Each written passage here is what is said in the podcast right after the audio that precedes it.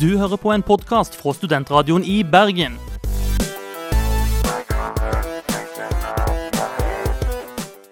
Denne og mange andre flotte podkaster finner du på podkast.srib.no.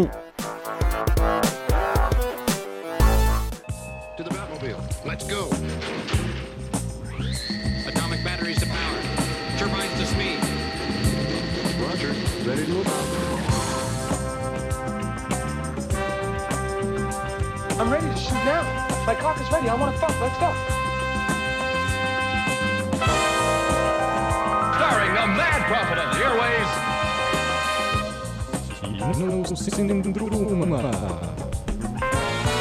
Og velkommen, det er torsdag.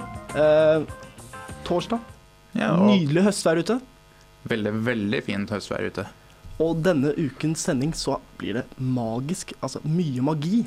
Altså, det er jo denne uken Harry Potter har premiere. Og ikke bare Harry Potter. Vi har andre film som går på kino som er litt magiske. Ja, Deriblant Trolljegeren. Paranormal Activity. Åh, det blir en herlig magisk sending. Ja. Vi har også en konkurranse senere i sendingen. Og eh, ikke, mer ikke nok med det, vi skal anmelde Hjem til jul, som hadde premiere forrige uke, som vi anmeldte under Biff, men vi vil trekke den fram igjen. Og vi får andre episode av Kinosyndromets radiodokumentar om HBO. Og ikke minst en masse herlig god musikk. Oh, would cross the bridge of death must answer me these questions three. Great. A pop quiz. I love the smell of pop quizzes in the morning. That's easy! Og som sagt så er dette en veldig magisk stemning, og i dagens konkurranse så skal vi ha om noe som relaterer seg litt til Harry Potter-premieren og Trolljegeren, fordi ukens premie er to billetter til Trolljegeren. Det vi i Kinosyndromet lurer på, det er hvis du var i et magisk univers, hva slags monster ville du helst drepe? Så hva slags monster ville du helst drepe, Håkon? Hobbit.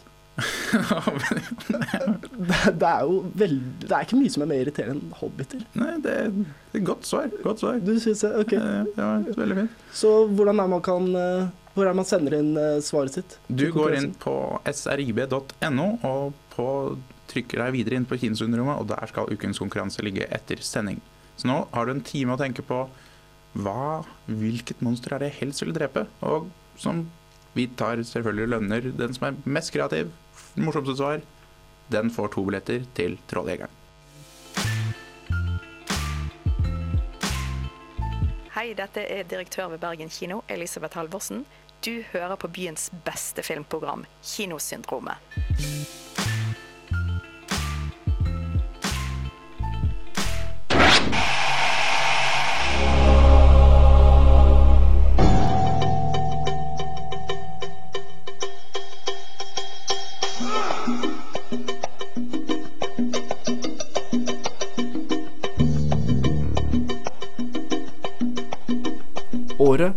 1997, og As, en hyperrealistisk TV-serie preget av ekstrem vold og et usedvanlig ærlig manus, har premiere på HBO. Dette var den første HBO-serien som for alvor skulle være med på å markere kanalens særtrekk i sceneproduksjonen, og da ikke minst Sopranos som hadde sin premiere to år senere. Videre utover 2000-tallet kom HBO-produksjoner på nærmest løpende bånd, og fellesnevneren for de alle var TV-serier med en bortimot filmatisk tilnærming, grundig historieforløp og spennende karakterer. Kan man si at AS var starten på HBOs såkalte gullperiode? Andreas Iversen har mastergrad i film- og fjernsynsvitenskap med amerikanske kvalitetsserier som spesialfelt, og han svarte på dette spørsmålet for oss. Hvis man skal snakke om en gullalder for HBO, så vil jeg vel sagt at det starter med AS, altså fengselsserien, i 1997 var det vel. Eh, Og kulminerer med Sopranos eh, og eh, alle de seriene som følger i, etter Sopranos, som da er med på å definere denne perioden. Det er jo kanskje 1999 til 2005 da, som er denne gullperioden for HBO. When you walk to the garden, you gotta watch your back. Andreas Iversen trekker fram perioden fra 1999 til 2005 som HBOs gullperiode, og han nevner serier som Sopranos, Six Feet Under, Deadwood, The Wire og Sex and the City som eksempler på TV-serier fra denne perioden. Det startet så smått med AS i 1997, men kanalen slo først ordentlig fra seg med premieren på Sopranos i 1999. Erlend Lavik er postdoktor i informasjons- og medievitenskap ved Universitetet i Bergen. Og vi fikk han til å svare på hvorfor det var akkurat Sopranos som innledet HBOs gullperiode, framfor AS, og hvilken betydning Sopranos hadde for kanalen de kommende årene. Oss var, var viktig eh, på den måten at den var en, eh, en rimelig stor suksess. Men, eh, men eh, den kan ikke på noen måte sammenlignes med, med Sopranos. Sopranos ble en så stor suksess at den, eh, den liksom fikk innpass på, eh, på lista over de mest populære eh, TV-programmer i USA, til tross for at den gikk på en kanal som HBO, som, som hadde eh, som har et langt mindre kundegrunnlag enn de store nettverkene. En serie som oss var på en måte et slags eksperiment for, for HBO for å teste om, om TV TV-drama var noe de var interessert i å satse på. Det var en såpass stor suksess at, at, at den på en måte eh, beretter grunn for en serie som, som Sopranos. Men eh, i seg sjøl så så var ikke oss en serie som, eh, som ville ha eh, endra TV-markedet i USA på, på egen hånd, sånn som Sopranos gjorde. You know what I've been noticing a lot lately? A lot of guys coming in with their balls shaved. What's that all about? Actually, it makes them more sensitive. You know, for oral stimulation. Besides, no one likes getting pubic hair stuck in their teeth. Do you want to ask me if I shave my balls? Uh, no, not really. No, I'm happy to tell you. I am, and I do shave. Have to. A lot of hair down there. Keith doesn't. Have to. Anything else you want to know? Now is the time. Nope. I'm good.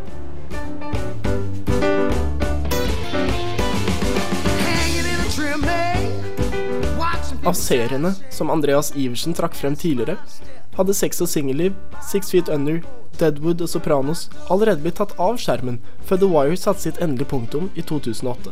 True Blood hadde tross alt premiere dette året, men det ble aldri en serie som var så kvalitetsmessig god at den hadde mulighet til å bære HBO-fakkelen videre, særlig ikke alene. På samme tid opplevde AMC stor suksess med serier som Breaking Bad og Mad Men, samtidig som Showtimes Californication og Dexter ble svært godt mottatt av kritikere så vel som publikum. Kunne vi dermed ane en avslutning på HBOs gullperiode? Det kommer an på hva man vil definere det som, eh, den gullalderen. eh, Og er det når eh, disse seriene som ble sendt tok slutt? I så fall så er det jo eh, 2008, da, hvor, H, hvor The Wire kaster inn, kaster inn håndkleet. Jeg vil kanskje ikke definert det som slutt sånn sett, men at det kanskje rett og slett bare har eh, blitt litt De har kanskje slitt med å finne sånn arvtakere da, for de som på en måte definerte den gullalderen. Men som nå kanskje er i ferd med å komme med Boardwalk Empire igjen. da, Så eh, jeg vet ikke, det blir en sånn vanskelig definisjon. Men eh, hvis jeg skulle definert eh, en sånn slutt på gullperioden, så ville det kanskje vært når eh, Sopranos eh, hadde siste episode. At eh, etter det på en måte var et sånt tomrom. da. Så da kan man kanskje se på det som sånn slutt på en gullperiode, men uh, veldig mye bra som har kommet etter det òg. Bury your head in the sand. Hard not to Det har kommet mye bra fra HBO etter 2008. Særlig har det kommet flere gode komiserier fra kanalen, deriblant Bored to Death og How to Make It in America. I tillegg har The Wire-skaperen David Simon kommet med en ny serie som tar for seg New Orleans i månedene etter orkanen Katrina. Og Broadwalk Empire, som Andreas Iversen nevnte, hadde ingen ringere enn Martin Scorsese som regissør av første episode. Er det kanskje da mer riktig å si at HBOs gullperiode egentlig aldri har tatt slutt? Det er mer det faktum at konkurrerende TV-nettverk utnyttet perioden etter Sopranos til å lage egne solide kvalitetsserier som har bidratt til å jevne ut markedet? Helt klart. Eh, Jeg tror det er en, eh, en helt riktig analyse. ja. Eh, Det er ikke så mye det at HBO har mista grepet på noe vis, selv om de har slitt med å stave på beina en, en, en serie som har blitt en så stor suksess som Sopranos ble. Men det skyldes ikke bare at, at HBO har gått inn i en kreativ krise eller noe sånt. Det skyldes nok vel så mye det at konkurransen på markedet for den type serier har blitt eh, langt eh, tøffere. Siste episode av denne HBO-dokumentaren kan du høre allerede i neste uke i Kinosyndromet. Da skal vi undersøke hvordan kanalen har påvirket resten av TV-markedet. Og vi skal se nærmere på hvordan en fremtid vil se ut da HBO nå har flere reelle konkurrenter som ønsker å få sin del av TV-seriekaka.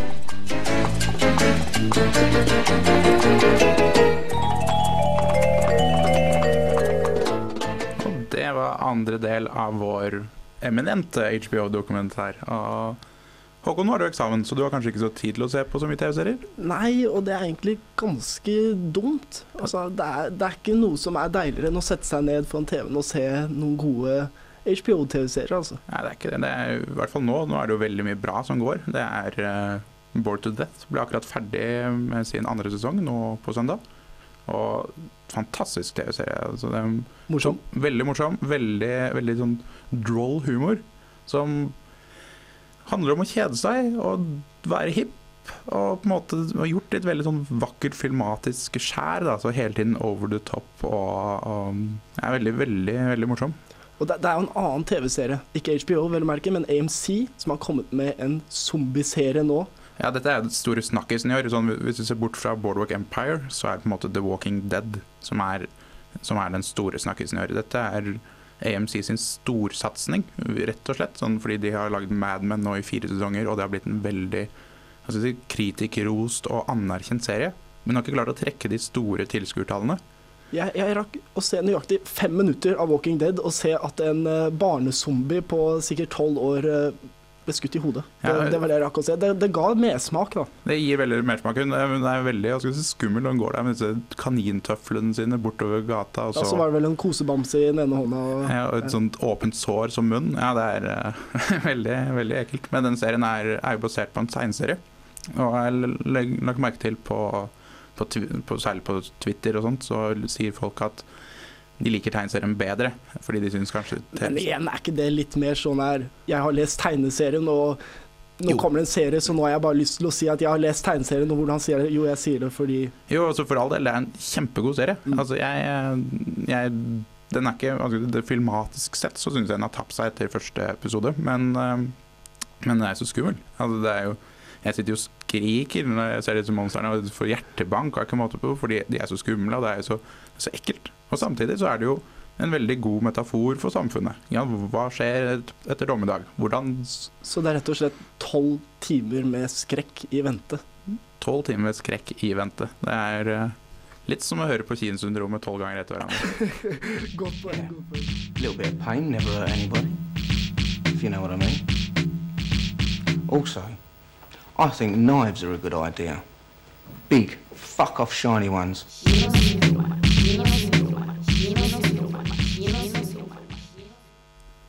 Og dette er vår magiske st sending. Ja, det er nesten så vi kan se trollene komme nedover eh, fløyen her, altså. Ikke langt bra. Eh, fordi Harry Potter har premiere nå i morgen. Ja, og den har fått litt sånn hard medfart i media, jeg legger merke til. Sånn Dagbladet 2 og Kanskje, kanskje vel fortjent. Jeg, jeg prøvde å komme gjennom bokserien, men eh, jeg kom så langt som til bok nummer sju, men da måtte jeg gi meg til 100 sider. Det ble Imponert. Jeg kom til nummer fire. Så jeg er altså lenger ute i Harry Potter-universet enn deg. Ja, jeg prøvde å se måte, Jeg likte eneren, toeren. Eller jeg likte eneren. Jeg syns eneren var veldig fin og morsom, og kanskje litt sånn tynn, men fin og morsom. Toeren syns jeg var en skikkelig dårlig film. Treeren likte jeg. For da, da kommer de Altså, det er ordentlig mørkt, deilig univers. Og jeg føler på en måte at de filmene etterpå, de prøver også å gjenskape den eh, magien du hadde i treeren, Ut, uten å få det til. uten å få det til. Det har um, ikke, ikke vært bra. Men vi, vi har jo ikke sett filmen. Det er uh, vår eminente kulturredaktør Johan Dalen skal komme i studio etterpå for å anmelde den, og vi gleder oss til å høre hans dom. Men jeg vet i hvert fall at det handler om å finne noen skjulte skatter eller noe sånt. Ja, det er vel Tittelen sier vel noe om disse skjulskattene. Jeg husker ikke hva, hva er tittelen på Harry Potter-filmen? Dødstall Nei, Ja, det er i hvert fall noe dødsgreier de skal ja. finne, som er noen skjulte skatter. Men eh, vi har lyst til å presentere vår skjult skatt, og det skal Odd Arild få gjøre for oss.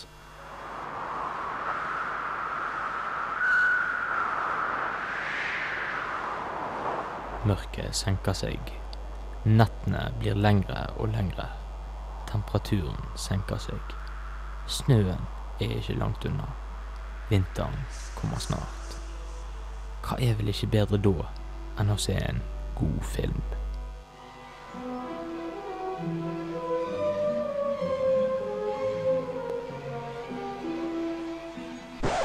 Nei, herregud, jeg sa en god film. Hvis jeg ville kaste bort pengene mine på en amputert, overprodusert film, hadde jeg sett den nye Harry Potter-filmen.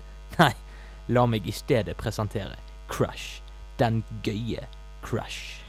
There seem to be three times as many cars as there were before the accident. I need to see you, Ballard. I need to talk to you about the project. Crash følger filmprodusenten James Ballard og hans kone Catherine mens de prøver å sprite opp sitt falmende sexliv. Begge utforsker sex med andre partnere, men uten hell. Ikke engang når de har sex med hverandre, tennes det en gnist. Så en dag kolliderer James med en annen bil, og han tar livet av mannen til Helen. Men i stedet for at Helen hater James for hans elendige kjøreegenskaper, blir de heller elskere. Dette forholdet resulterer i at de finner en felles parafili. De tenner på bilulykker. The car crash is a fertilizing rather than a destructive event. Uh, a liberation of sexual energy, mediating the sexuality of those who have died with, with, with an intensity that's impossible in any other form. Allerede i åpningsscenen bringer Crash deg det Harry Potter-filmen ikke har klart å vise deg på ti år. Her får vi se den nydelige Deborah Cara Unger sine bryst mens hun blir tatt bakfra i en flyhangar. Og like etterpå er det James Spader sin tur til å få renset rørene. Filmen prøver ikke å legge skjul på at det handler om sex og den noe underlige fetisjen som James utvikler i løpet av filmen. Det blir ikke prøvd å lage noen dype roller som virker naturlige, og dette passer perfekt inn i filmen. Fokuset er hele tiden på sex og alle de forskjellige aspektene med sexen. a trainee radiologist, then the service manager at my garage. You had sex with all those men in cars? Only in cars? Yes, I didn't plan it that way. Til tross for lite utfyllende roller klarer alle skuespillerne å gjøre en god jobb. De ser i det minste ikke ut som om de er fem år eldre enn rollen tilsier. James Spader, Deborah Cara Unger og Holly Hunter gjør flotte roller hvor de virker distansert i sine vanlige liv, men kommer til live med en gang metallet begynner å bøye seg rundt dem. Den absolutt beste rolletolkningen kommer imidlertid fra Elias Coutiers, mannen som blir kultlederen for Fetishen. Han er helt sprø, men har fortsatt en sjarm som gjør at man klarer å like han. Til og med når hans mørkere sider kommer til syne. You'll notice that we're not wearing helmets or safety padding of any kind. Our cars are not equipped with roll cages or seat belts. We rely solely on the skill of our drivers for our safety, so that we can bring you the ultimate in authenticity. All right, here we go. The fatal crash of James Dean. Alt er ikke bare fryd og gammen i Crash. En film som åpner så sterkt, trenger også å utvikle seg til noe mer. Og med dette går filmen over til villere og villere sexskildringer, og går nesten over til det bestialske. Det blir litt som i Fight Club, når Edward Norton innser at Fight Cluben har en mørkere og dystrere side enn det han først trodde. Men filmen krysser heller aldri den fine grensen som gjør at man avskyr det filmen viser. I stedet er det med en forstyrrende fascinasjon vi ser på de forskrudde sexscenene, hvor slikking av arr blir en sentral del. Og med en avslutning som er både skremmende og følelsesladet, er det merkelig at denne filmen ikke blir bedre likt.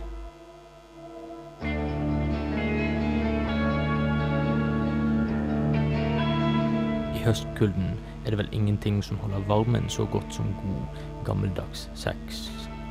Crash presenterer et tema som står oss alle nært, men har også en vri på det som gjør det hele uhyre interessant å se på. Filmen blir aldri for overdrevet.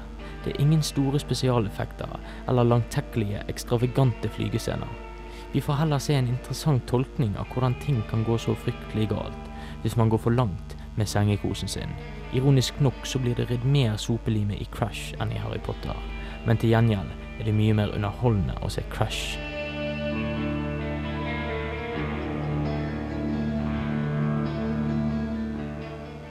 Morgen er fredag. Det er helg. I morgen er det helg. Det er deilig. Alltid deilig med helg. Og um, da har vi kommet til vårt flotteste stikk i dag. Det er jo da ukens filmer på TV. For altså for den fattige student og uh, elev Menneske. Ja, Vi snakket jo litt uh, tidligere i sendingen at nå er det eksamensperiode. Så hva er vel bedre da enn å sitte hjemme med bok og film? Det funker greit. Og, Det funker greit. Altså, I hvert fall hvis du ser på TV3 med de lange reklamepausene, så, så kan du lese litt da.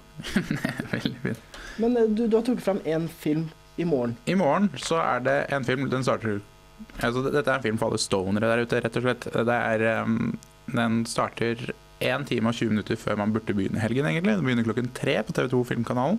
Det var ikke en, den klassiske stoner-filmen, men kanskje kanskje mer sånn en stoner-film man kan se med, med både mamma og mormor. For det handler om en gammel dame som begynner å, å dyrke marihuana. Og selge det til sine gamle eldre, eldre hennes gamle venner, rett og slett. Så det er, det er litt som bestemors svar på TV-serien Weeds. Det er litt som bestemors svar på TV-serien Weeds. Helt korrekt. Det var en veldig god måte å naile den serien på. Og er veldig søt, veldig morsom, og ja, den er herlig. Det er rart å se på en prest være fjern. Det er, det er et syn for guder, Jeg vil tro at det er ganske rart å se en bestemor dyrke hasj òg, men uh... Som sagt, det er en fin, fin liten film. Den er også britisk, så den er ikke, måte, den er ikke, den er ikke farget gjennom det måte, amerikanske moralske filteret. Den er på en måte litt mer, litt mer skeiv, og det er godt å se på. åpenhjertig. Åpenhjertig, rett og slett. Eh, På lørdag så har vi trukket fram en annen film som eh, går på NRK3 halv ti. 'Punch Drunk Love'. Ja, dette er en av mine favorittromantiske komedier. Fordi den er ikke en vanlig romantisk komedie, selv om man har Adam Sandler i hovedrollen. Det er den beste filmen til, som Adam Hvordan- Sandler har spilt i. Og det gjør det, altså Ja. Han funker bra i den rollen. Ja, han funker veldig bra. Han, det er nemlig Regien er av P.T. Anderson. Det er han som lagde uh, There Will Be Blood, eller Magnolia, eller Boogie Nights. Magnolia er jo kjempeherlig sammen med Boogie Nights. Ja, altså, og There Will Be Blood er kanskje den beste amerikanske filmen i forrige ti år. Er Punch Drunk Love litt samme type film, eller hva kan man forvente seg hvis du har sett Magnolia og Bugnice fra før? Da kan du forvente en, en veldig annerledes teknisk um, romantisk komedie. Den er på en måte veldig mye fokus på lyd, så det er veldig gøy å ha et godt lydanlegg å se på. Og så har den en veldig Noe sikkert de fleste studenter har. er? De fleste studenter har det. Har ikke investert i det framfor kjøleskap og CD-en? Ja. Men også er den på en måte veldig Den er veldig annerledes. Altså, den, er på har, den følger den klassiske romantiske historien om han som er litt utenfor, men dette er Adam Sandler. Han er veldig utenfor her. Går rundt i sånn rar blå dress, og han har syv søstre. Og Når du sier rar blå dress og Adam Sandler, så tenker jeg på Wedding Singer med en gang. Ja, ok, den er ikke sånn. Uh, på ingen måte. Han, er, han spiller det, altså, en modernistisk romantisk komedie, er vel muligens. Og den er vel verdt å se. Veldig, veldig bra. Og hvis vi hopper på søndagen, så er det, det Jeg vil tørre påstå at det er søndagsfilm over alle søndagsfilmer. Independence Day. Er- Will Smith i storform. Ja, det er herlig med romvesener som invaderer jorda. Det, det blir ikke noe bedre søndag enn det, rett og slett. Nei, gjør ikke det. Den går 21.20 på TV3. Og det er jo TV3 med masse reklamepauser, så det er jo bare å ta med seg boka og lese samtidig som du ser romvesener tar over planeten. Jeg sto opp i går, aleine som vanlig. Jeg vrei meg inn i gårsdagens bukse og gikk på kjøkkenet for å koke med vann til kaffen. Det var da jeg strakk meg etter kaffepulverboksen det gikk opp for meg. Jeg skal se min første julefilm på kino i dag. Det er litt tidlig, sier jeg. Ja, når Hansa kan starte jul i oktober, så kan Bergen kino få lov òg. Jeg koste meg over at gradestokken bare sa fem grader, og spankulerte lykkelig til pressevisninga av Bernt Hamer sin siste film, 'Hjem til jul', med koppen full av kakao.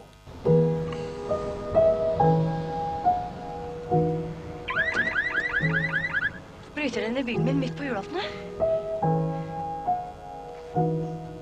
Gjorde du det? Det var lenge siden. Det er trist at vi aldri feirer julaften sammen. Ja. Alt kommer til å bli annerledes når vi får barn, Liksom. Barn, og når skal vi få tid til det? Bernt Hamer er ingen hvem som helst. Denne brillekledde nordmannen med sin elsk til det som er både rart og ekstremt, har blitt akseptert i store deler av verden. Og med filmen 'Faktotum' fikk regissøren sin definitive Hollywood-aksept. Dette kan synes litt rart, i og med at det er den samme mannen som skrev, regisserte og produserte den herlige fortellinga om svensken som skal forbedre nordmannen sine kjøkkenrutiner. Nei, det er ikke en vits, men en fantastisk snål og humoristisk film fra 2003. 'Salmer fra kjøkkenet'. Og Hamer fortsetter med både humor, snålskap og den breie kontrollen over produksjonene sine i det som kan omtales som årets første julefilm, 'Hjem til jul'. Filmen er en adopsjon av Levi Henriksens novellesamling 'Bare myke pakker under tre'.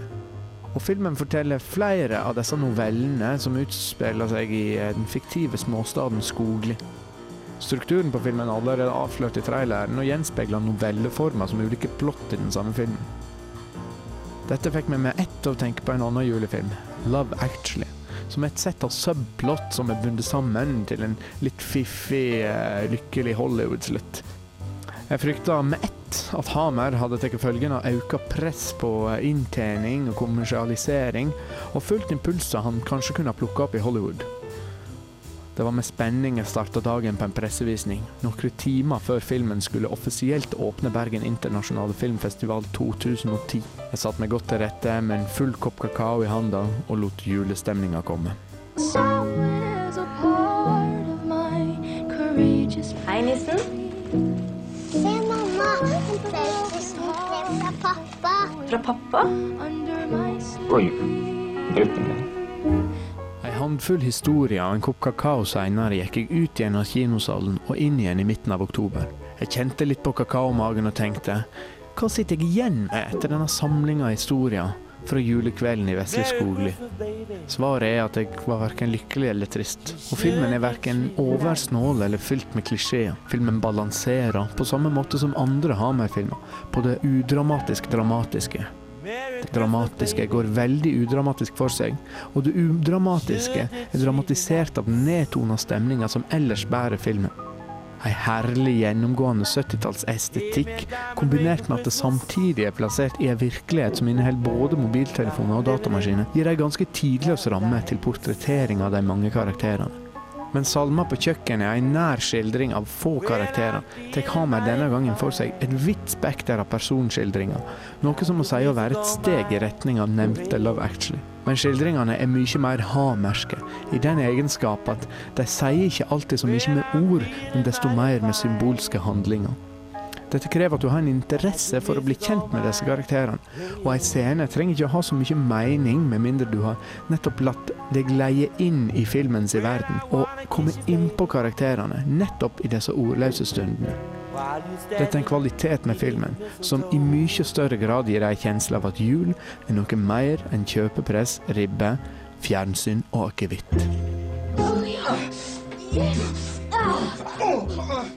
Jeg må si en sak. Jeg klarer bare ikke å overlevne livet. Det har Rett og slett vært et jævla drittår. Hvor lenge siden er det du har sett ungene? Jeg har ikke sett dem på sju uker, og nå er det julaften. Tone sa at jeg kanskje skulle få levere julegavene til dem en gang i romjula. Kanskje.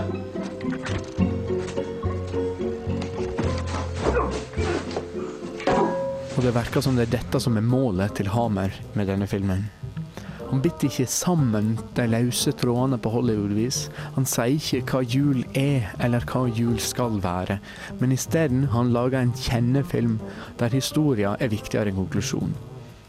Det er skildring av ulike sider av livet, som på et eller annet vis blir ekstra tydelige rundt juletider.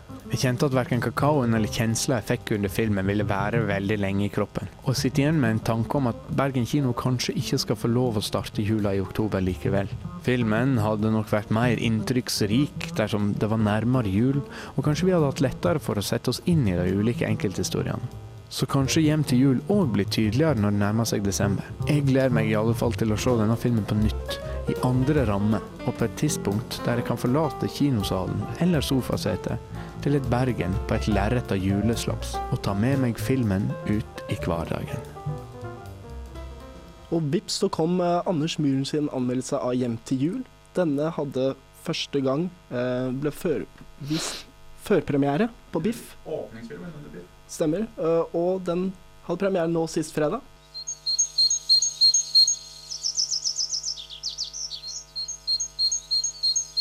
Det du hørte der, det var en eh, kjøttmeis. Og det du hører på nå, det, det er kinosyndromet.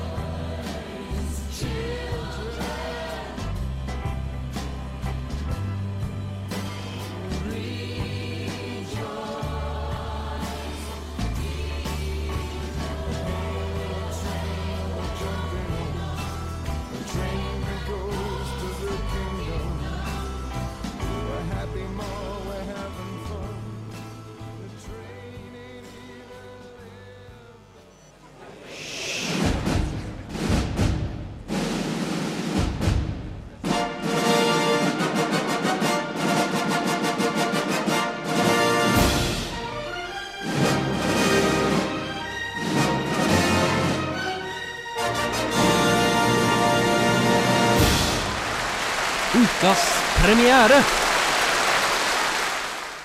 Og der hørte dere nettopp Nick Cave and The Bad Seeds med Oh Children. Og jeg har skjønt såpass at denne sangen spilles i en dansescene i den nye Harry Potter-filmen. Stemmer det, Johan Dalen? Det er faktisk helt korrekt. Eh, Man skulle tro at de hadde gjort seg ferdig med dansescenene i Harry Potter-serien etter eh, den fjerde filmen, der det var både polonese og eh, diverse valsforsøk. Eh, Litt kleint var det da, og litt kleint det var det faktisk nå òg, tro det eller ei. Men det du må gjøre for at det ikke skal bli kleint, det er å se for deg i rollen som Rowan Atkinson, og du står der og danser med Emma Watson til Old Children. I rollen som Rowan Atkinson, det vet jeg ikke om jeg hadde ville gjort, men eh, Harry Potter eh, skulle jeg gjerne vært i den siste filmen eh, og dansa med Emma Watson, utvilsomt. Men for å komme inn på sakens kjerne, da. Jeg har vært og sett uh, første del av den siste uh, filmen i Harry Potter-serien, 'Harry Potter og dødstalismanene'. Uh, dyster tittel. Og de har da valgt å dele opp det her i to deler, for å ikke utelate noen detaljer i den viktige historien som nå skal summeres opp i Harry Potter-universet. Eh, og allerede på første punktet der, med at de ikke skal gå glipp av detaljer, der feiler. Eh, de, de har gått glipp av så utrolig mye i forhold til innholdet i bøkene. Selv om filmen er to og en halv time lang, så skraper de bare på overflata av det, av det viktige da, som skjer i den siste boka. For man kommer ikke utenom boka i det her. Det er direkte overført. Det er ikke en historie som er basert på Harry Potter-bøkene. Det er direkte fra bøkene, den samme handlinga. Og, og da er det utrolig frustrerende for, eh, for folk som har lest bøkene, at det her ikke tilfører noe nytt da, for, eh, for seeren. Og jeg blir sittende med den følelsen av at det her er veldig halvveis gjort. Det er et hastverksprosjekt. For hva er egentlig historien nå? Nei, altså Nå skal det jo summeres opp. da Det, det har jo bygd seg opp mot eh, det endelige slaget om det magiverden eh, og den menneskelige verden, for så vidt. Det har det jo gjort siden film nummer fire, når eh, lord Voldemort gjenoppsto. Uh, fra et uh, sånn skummelt sjeleliv til å innta fysisk skikkelse igjen. Uh, både femmeren og sekseren har vært transportetapper mot klimakset, som skal være film nummer sju. Og, og som fungerte nokså godt i bok nummer sju for, for øvrig. Eh, d- film nummer sju del én, uh, altså fire Altså film nummer 7,0, uh, om du vil. Eh, det, det er også en transportetappe. Det her er Nok en? Ja, det er nok en transportetappe. Det er liksom den første en og en halv timen i 'Ringenes herre atter en konge'. Det føles litt som det. At, at det her er bare veien mot det som skal skje på slutten. For de har tatt for seg ca. de 500 første sidene i boka. Eh, Hvor lang er boka i utgangspunktet? Ca. 650-700 sider. Eh, og og det, det vil si at de, de skal pakke inn veldig lite i den siste filmen på to og en halv time. Og nå skal de ta størstedelen da, av historien skal fortelles i den første delen. Så, siste filmen blir en sånn stor slagscene i tre timer, da? Eller? Eh, Du skal ikke se bort ifra det. Det er jo en av de eh, episke scenene fra bøkene skal jo filmatiseres da. Det gleder jeg meg utrolig til. Og, og der Du, du har bare ventet i ti timer på at klimaet skal komme. Ja, altså det, det føles litt sånn, da. For de første to filmene uh, greide å bevare den litt sånn barnslige gleden fra de to første bøkene. Det var veldig godt overført til film. Uh, den tredje, uh, der fikk de òg overført den litt sånn mørke, dystre stemninga som begynte å bygge seg opp i bøkene. Mens fireren, femmeren og sekseren egentlig bare har vært sånn effektfilmer. da. Det har, det har blitt effektungdomsfilmer som, som henvender seg mot et helt annet publikum enn det som leser bøkene. For her har de da hatt sjansen til å, til å bygge en serie som står som et monument i filmhistorien, som den største eventyrserien, da, som både barn og unge kan ha et godt forhold til. Men de har i stedet valgt å fokusere på å gjøre det til actionfilmer. Uh, Retta hovedsakelig mot det amerikanske markedet, vil jeg tro. Jeg, jeg greier ikke helt å se hvorfor de skal gjøre det fantastiske bokarbeidet til JK Rowling om til en actionserie. Men det har jo blitt en veldig stor industri. De har laget Harry Potter-land i Florida nå, og det er på en måte Ja, absolutt. Det er jo storindustri. Det er det jo på alle mulige måter. Men eh, det, det gjenspeiles da spesielt godt i den siste filmen nå, syns jeg, at det her er bare for å melke en franchise. At de, at de gjør det her det, Du skjønner absolutt ingenting av filmen hvis du ikke har lest bøkene eller sett de andre filmene fra før. Da, da trenger det ikke å gå sånn i det hele tatt. Hvis du har lest bøkene og sett filmene, så skjønner du også særdeles lite. Eh, Det er bare ei smørje som er kasta sammen. Historielinja er litt vanskelig å følge, for de tar så mye snarveier. Og, og i stedet for å gjøre det til den, til den jak intense jakten, da, som hele bok sju var, så er det bare en tilfeldig snubling der de finner, finner tingene sine på første forsøk, i stedet for den jakten og den prosessen som det faktisk var i bøkene. De har overført det så utrolig dårlig, bare for å tilfredsstille sånn action-tørstig publikum. Det, det, det provoserer meg, altså. Så magien er helt borte? Magien er helt bort, selv om det er masse magi og masse effekter, og det er stort, og det er flott, og det er fargerikt, og det visuelle er veldig bra. Og man ser jo at de har fått større og større budsjett å jobbe med, og, og alt sammen ser jo perfekt ut. Uh, og ikke minst så har jo skuespillerne vokst opp og blitt flinkere. Hvordan er, hvordan er skuespillerne? Jeg la merke til at dere var veldig glad i Emily Watson. Ja, altså, Emma Watson har jo blitt uh, voksen. uh, vi trenger ikke å si mer enn det. Uh, hun, er jo også, hun fremstår jo som den dyktigste skuespilleren i Tre klø- kløvere med Daniel Radcliffe og Rupert Grint. Uh, så, så hun har fått mer skjermplass rett og slett for, for å få fram uh, evnene hennes som skuespiller. Og de har tona ned uh, Rupert Grint. Er Emma Watson alene Gjør hun alene det verdt å se denne filmen? Det lurer jeg veldig på. Altså, hun bærer i hvert fall filmen, det skal sies. Eh, for, historia om eh, Harry Potter er, er ikke spennende lenger å følge i filmene. Eh, jeg kommer ikke til å glede meg til del to, for jeg vet at det kommer til å bli actionsuppe. Som ikke kommer til å fokusere på de viktige punktene i bøkene. Dessverre, da, for å si det sånn.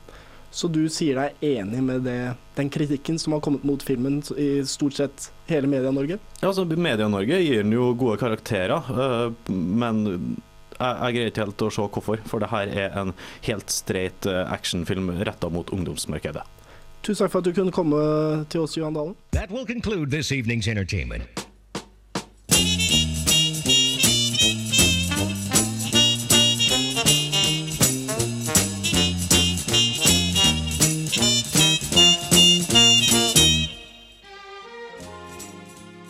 Og da er eh, ukas sending eh, ved veis ende. Ja, vi fikk jo en litt dyster slutt på den magiske sendingen vår med en slakt av Harry Potter. Det ble ikke så magisk som vi hadde forventa, eller? Nei, altså du passer jo med sendingen som en helhet, det.